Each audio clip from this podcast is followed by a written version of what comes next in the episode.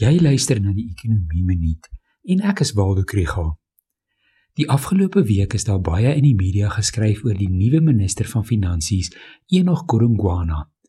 Sy ondersteuners wys daarop dat hy die ANC gehelp het om weg te beweeg van populistiese beleide, dat beleggers hom ken en dat hy weet hoe om die debat te stuur om 'n gemeenskaplike oplossing te vind.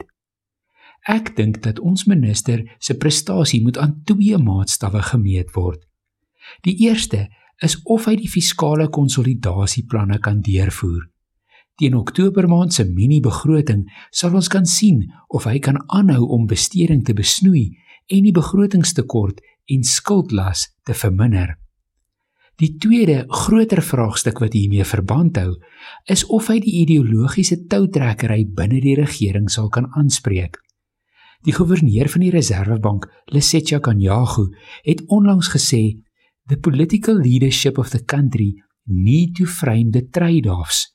We seem to give South Africans an impression that this country can do everything and provide everything and have not had difficult conversations with society that society must make choices. In praktiese terme beteken dit dat Suid-Afrika kan nie nou die basiese inkomste toelaag, die NHI en gratis universiteitsopleiding bekostig terwyl ons ook die openbare ondernemings wil herkapitaliseer en bankrot munisipaliteite moet ondersteun nie. Daar moet keuses gemaak word. En dit is nie net keuses oor wat om te doen nie, maar ook hoe om dit te doen. Wanneer beleidsmakers praat oor infrastruktuurinvestering, dink party aan groen private energie. Ander hoor voorgeskrewe batevereistes. Of as hulle sê dat klein en mediumgrootte ondernemings moet ondersteun word, hoor sommiges deregulering en ander dink aan 'n staatsbank.